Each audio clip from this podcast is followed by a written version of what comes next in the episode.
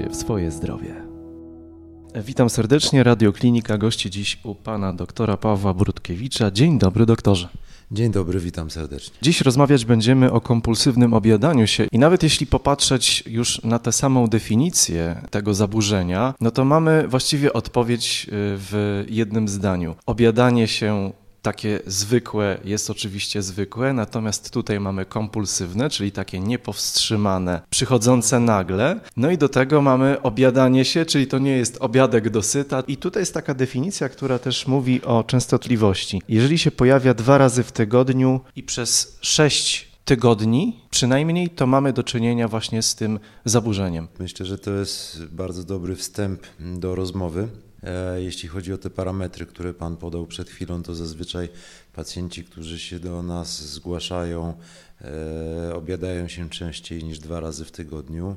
Zazwyczaj obiadają się codziennie albo prawie codziennie, e, bądź robią kilkudniowe, dwu, trzydniowe przerwy poniedziałek, wtorek, środę na przykład, gdzie próbują w cudzysłowie zacząć od nowa.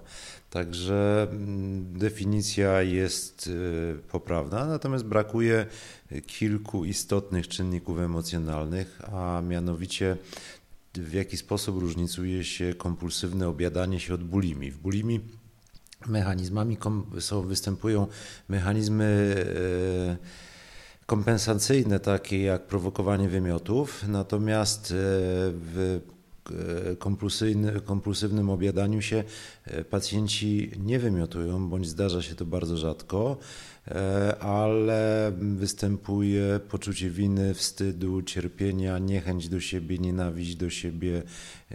No i tak jak w każdym zaburzeniu psychicznym, to przy każdej naszej rozmowie się powtarza, pojawia się poczucie cierpienia psychicznego i zaburzenie funkcjonowania w jakichś obszarach życiowych, istotnych.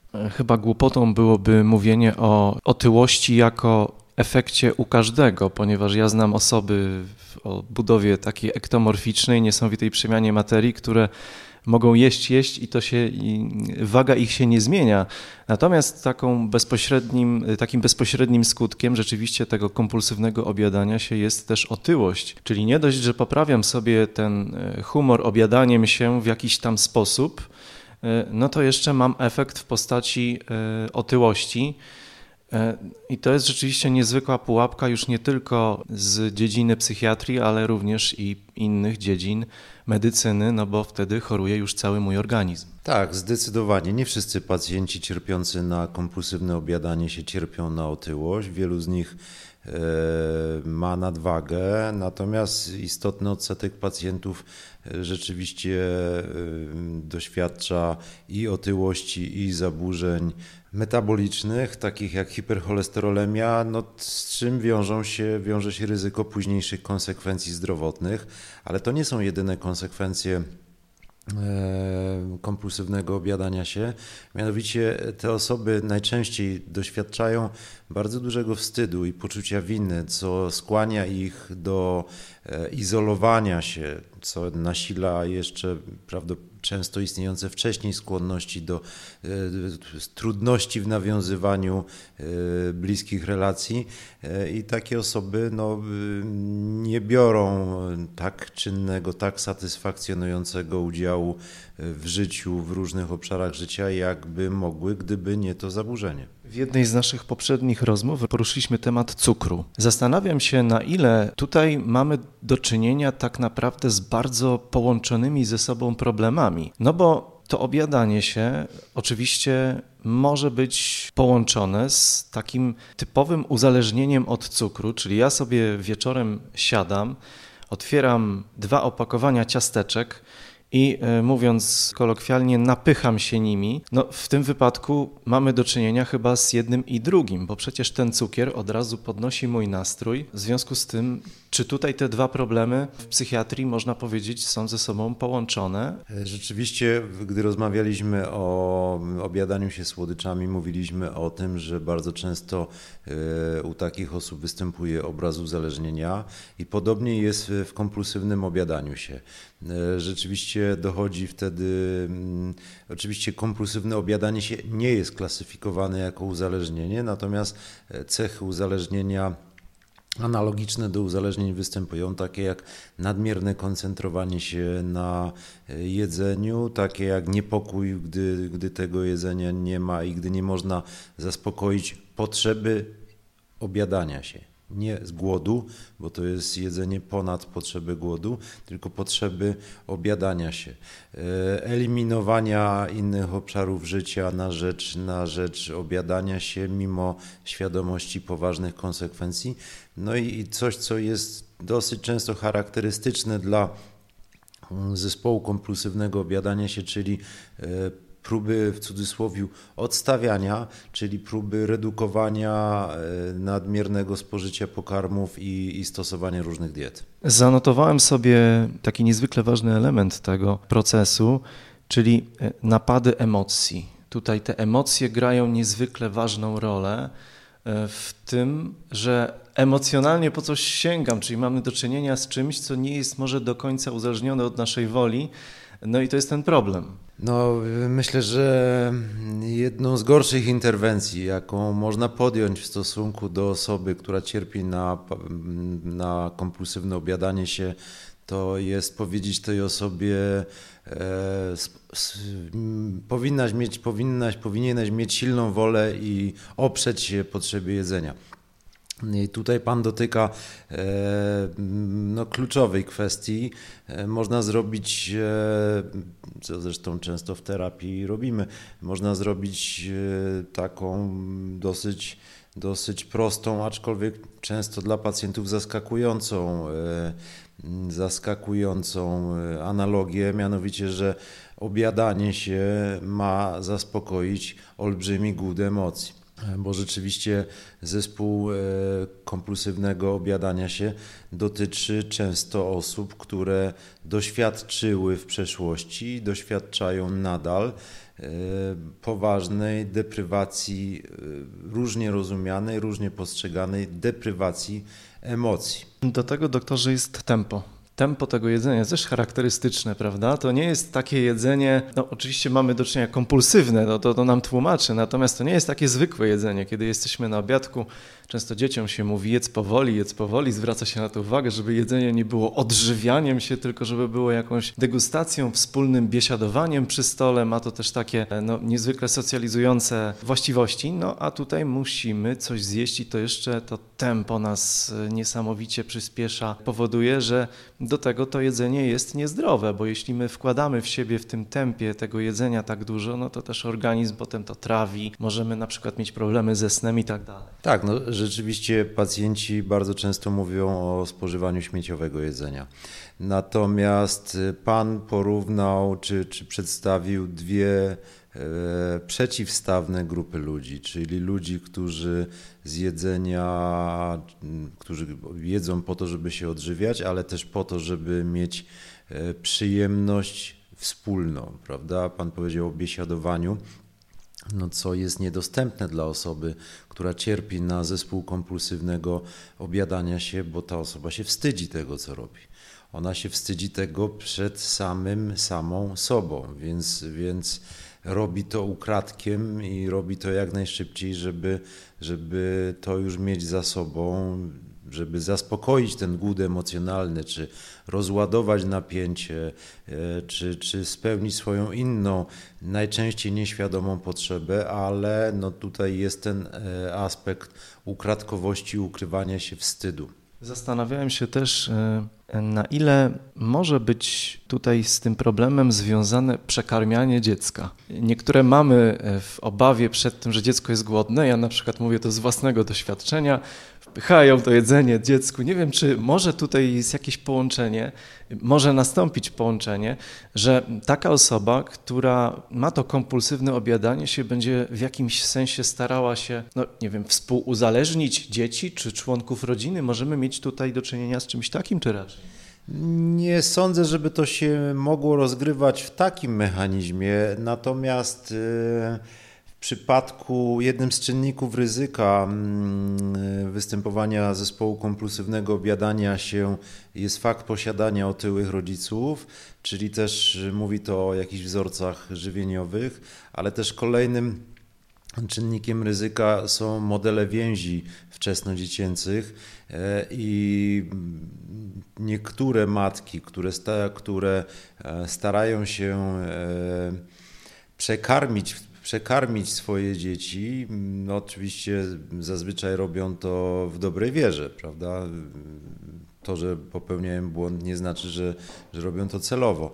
Natomiast robią to bądź z lęku, czyli same są w stanie napięcia i potem takie dziecko może e, psychologicznie dziedziczyć lękowe modele zachowania, ale też niektóre matki, e, które mają trudności w doświadczaniu swoich własnych emocji i w nawiązywaniu kontaktu emocjonalnego z innymi, w tym ze swoim dzieckiem, e, starają się nieświadomie to kompensować karmiąc je, czyli, czyli jedzenie wtedy ma być substytutem deficytu emocjonalnego. I takie postawy rzeczywiście mm, no już są istotnym czynnikiem rozwinięcia się zespołu kompulsywnego obiadania, obiadania się, no, chociaż to są raczej obecnie e, hipotezy, natomiast, bo, bo takich badań długofalowych, wieloletnich e, jest bardzo, bardzo niewiele, więc natomiast te mechanizmy wydają się prawdopodobne. A wracając do badań, doktorze, y, dlaczego półtora raza częściej mamy do czynienia u kobiet z tym problemem? Być może to można wyjaśnić y, sposobami y, regulowania emocji, napięcia przez kobiety i, i przez mężczyzn. Może być tak, no kobiety mają mm, większą skłonność do zachowań internalizacyjnych, czyli takich do wewnątrz to się oczywiście teraz zmienia w miarę jak się zmienia model męskości, model kobiecości.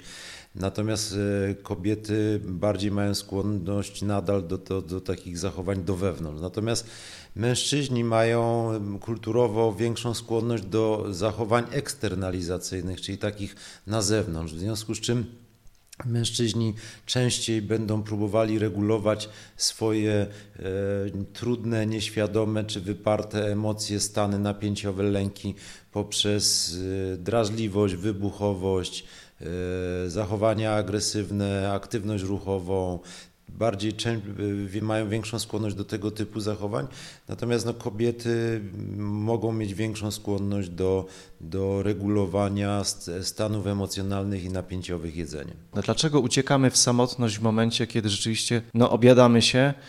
Teoretycznie jakiś tam członek rodziny może nam w tym jednak nie przeszkadzać, a tu jednak chcemy być sami. Dlaczego chcemy być sami? To przede wszystkim najczęściej jest tak, że e, patologiczne obiadanie się dotyczy osób e, a priori samotnych, które nawet jeżeli są w jakimś związku, to gdzieś e, ten związek nie karmi ich emocjonalnie. W tym związku nie ma satysfakcjonującej wymiany emocjonalnej i wzajemnego wsparcia emocjonalnego, co najczęściej wynika z wcześniejszej historii obydwojga e, partnerów. Także no, ta samotność niejako jest już przyczynkiem do powstawania zespołu kompulsywnego obiadania się.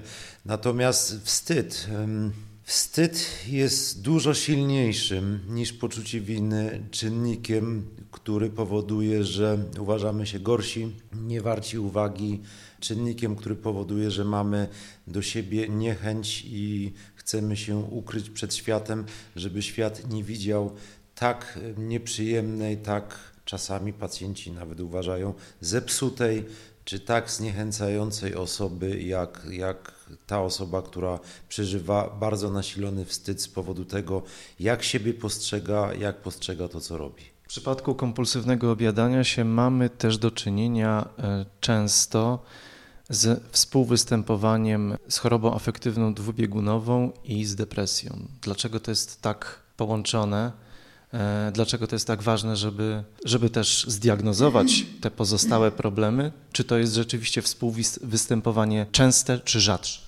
Tak, to jest rzeczywiście częste współwystępowanie. Bierze się tutaj e, pod uwagę pato, patomechanizmy neurofizjologiczne, neuro, neuroprzekaźnikowe, e, ale też objawowe. No, w obydwu zaburzeniach, które Pan wymienił, występują E, nasilone zaburzenia regulacji emocji, zaburzenia afektywne, co zwiększa ryzyko takiej współchorobowości.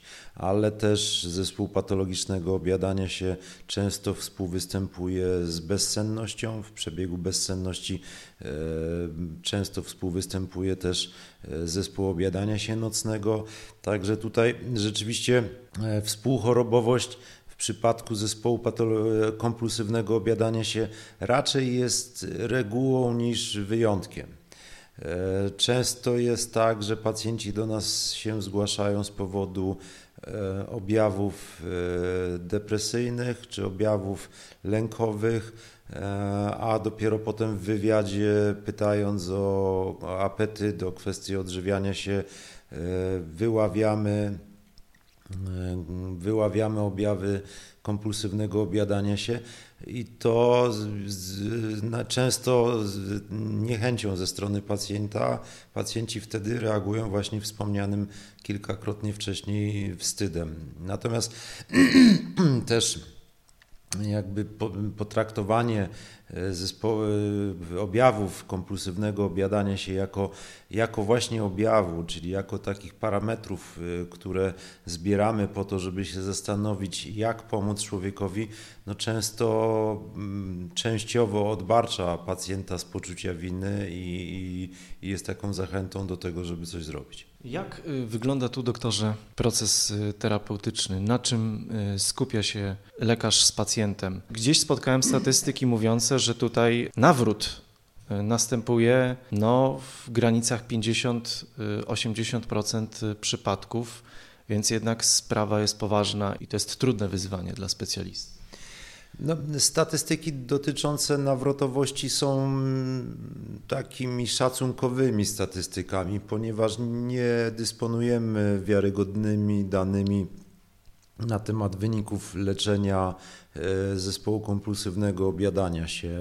Dane na temat farmakoterapii są też wstępne, pochodzą z nielicznych, często sprzecznych badań Badań na temat y, efektów psychoterapii przeprowadzono niewiele, to są niewielkie grupy pacjentów, na pewno to się będzie rozwijało. Natomiast y, jak przebiega terapia, mówimy o psychoterapii, to zależy w jakim nurcie ona się odbywa, czy to jest terapia poznawczo-behawioralna, wtedy pracuje się bardziej na schematach poznawczych i na, na restrukturyzacji, właśnie na zmianie tych schematów poznawczych, zmianie yy, tego, jak człowiek postrzega siebie, jak postrzega otaczający świat, jakie wartości, jakie cechy nadaje pożywieniu, procesowi jedzenia.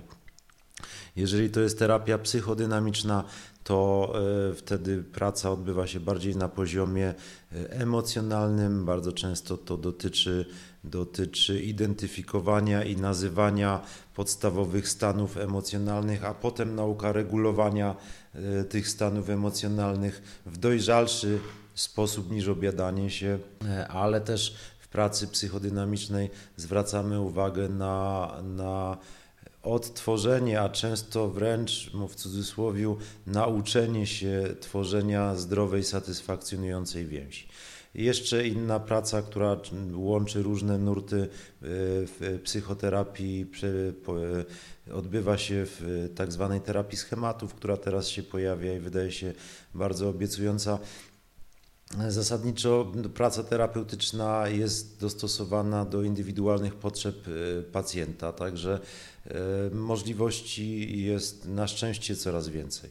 Chciałem jeszcze wrócić, doktorze, do tego, o czym mówiliśmy e, wcześniej, czyli o stresie. Gdzieś ten stres czynnikiem mm, może być jednym z głównych lub głównym, ale zauważyłem, że przecież takie, no nie wiem, kolokwialnie mówiąc, określenie, ale się nażarłem, no to jest to, jest to dosyć częste. To znaczy, mówi się, mm, że zajadamy stres, mówi się, że zajadamy smutek. E, jak sobie w czymś nie poradzimy, no to sobie wracamy do domu, zjemy sobie coś słodkiego. Gdzieś to jest u nas, e, wydaje mi się, takim schematem postępowania zakodowanym w naszym DNA. No w DNA prawdopodobnie też, prawdopodobnie też w, w naszym mózgu w układzie nagrody, no bo zjedzenie posiłku, doświadczenie uczucia sytości jest bardzo silnym czynnikiem nagradzającym nas. Także jeżeli czujemy się źle, no to y, naturalną postawą człowieka, pożądaną postawą człowieka jest próba dążenia do tego, żeby czuć się dobrze. No i teraz e, pytanie o to, jakie są modele tego dążenia. Po pierwsze, jaka jest wytrzymałość, no bo nie zawsze, nie zawsze jesteśmy w stanie e, w zdrowy, adekwatny sposób e, zredukować to nie, jakiś nieprzyjemny stan, więc dzieci mają mniejszą możliwość, więc dzieci tupią nóżkami, chcą już teraz, zaraz, od razu, prawda? Dorośli powinni być, czy, czy oczekuje się, że będą bardziej powściągliwi, e, ale też dorośli mają więcej różnych metod e, do wyboru świadomego lub nie. E, także to jest pytanie właśnie o to, na ile jesteśmy w stanie wytrzymać jakiś przykry stan żeby poczekać na moment, kiedy będziemy mogli e, ten przykry stan zredukować e, w zdrowy czy w miarę zdrowy sposób. No i, i drugie, drugie pytanie właśnie, jakie mamy modele, jakie mamy e, wzorce poprawiania sobie samopoczucia, prawda? I czy zwracamy na to uwagę, jakie to są wzorce, czy, czy, czy na przykład rzeczywiście zrobienie jakiejś E, olbrzymiej ilości zakupów, czy naprawdę poprawia nam samopoczucie? No na chwilę tak, ale potem e, może się okazać, że sporo tych rzeczy jest niepotrzebne. Czy zjedzenie potężnego hamburgera mimo wcześniejszego lunchu. Po, po tym jak szef tam nas wziął na dywanik i przeczołgał wzdłuż i w poprzek, rzeczywiście no, na chwilę nam może poprawiać samopoczucie, no ale potem e, czujemy się obiedzeni, senni, a, a mm, przybywa nam kilogramów i gorzej się trenuje. Także mm, no, tu chodzi o to, żeby czy tak, czy tak jesteśmy niejako skazani na, na to, że musimy być posłuszni naszemu układowi nagrody. Czy dobrze by było, żebyśmy byli posłuszni, ale dobrze by było też, żebyśmy byli w stanie robić to tak, żeby było przyjemnie, ale też dobrze. Właśnie, to na koniec jeszcze doktorze zapytam o to przyjemnie dobrze, bo pan już e, poruszył ten temat i ja właśnie chciałem zapytać o zakupy.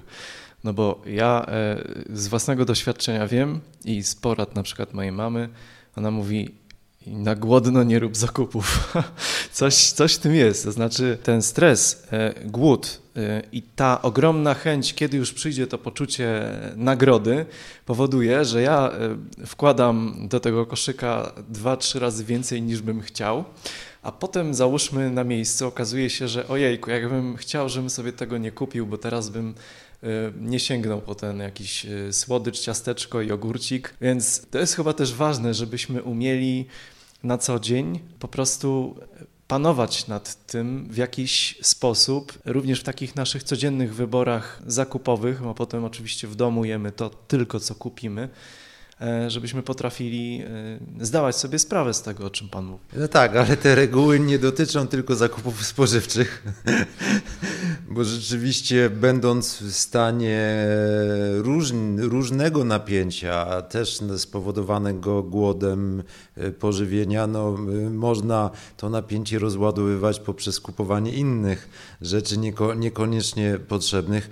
No problem jest w tym, że żyjemy w cywilizacji nadmiaru i, i trudno nam jest znaleźć jakąś równowagę, jakąś granicę pomiędzy tym, czego chcemy, a czego potrzebujemy. I myślę, że warto zwracać uwagę, warto sobie zadawać pytanie, czy. Bo obszar tego, czego chcemy, zazwyczaj jest nieograniczony i to akurat jest, nie, nie jest złe, to, to może być fajne, bo może nas, może nas zachęcać do różnych ciekawych marzeń. Natomiast potem warto zrobić taką bramkę przesiewową i zadać sobie pytanie, czy naprawdę potrzebujemy tego, czego chcemy. I wtedy zaczyna się proces myślowy, no, który potoczy się bardzo różnie u każdego, u różnych ludzi. Y, bardzo dziękuję doktorze za rozmowę, zatem zachęcamy do procesów myślowych y, z wynikiem y, racjonalnego odżywiania się.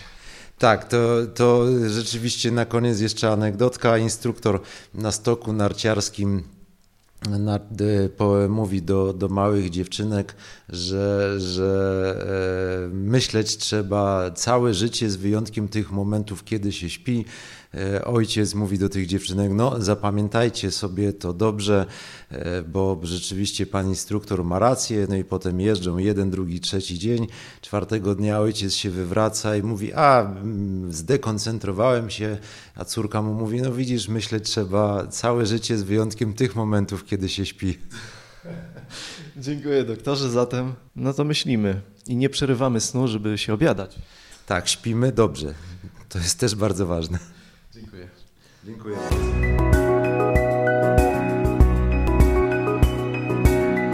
Więcej audycji o zdrowiu na stronie radioklinika.pl oraz w naszej aplikacji mobilnej.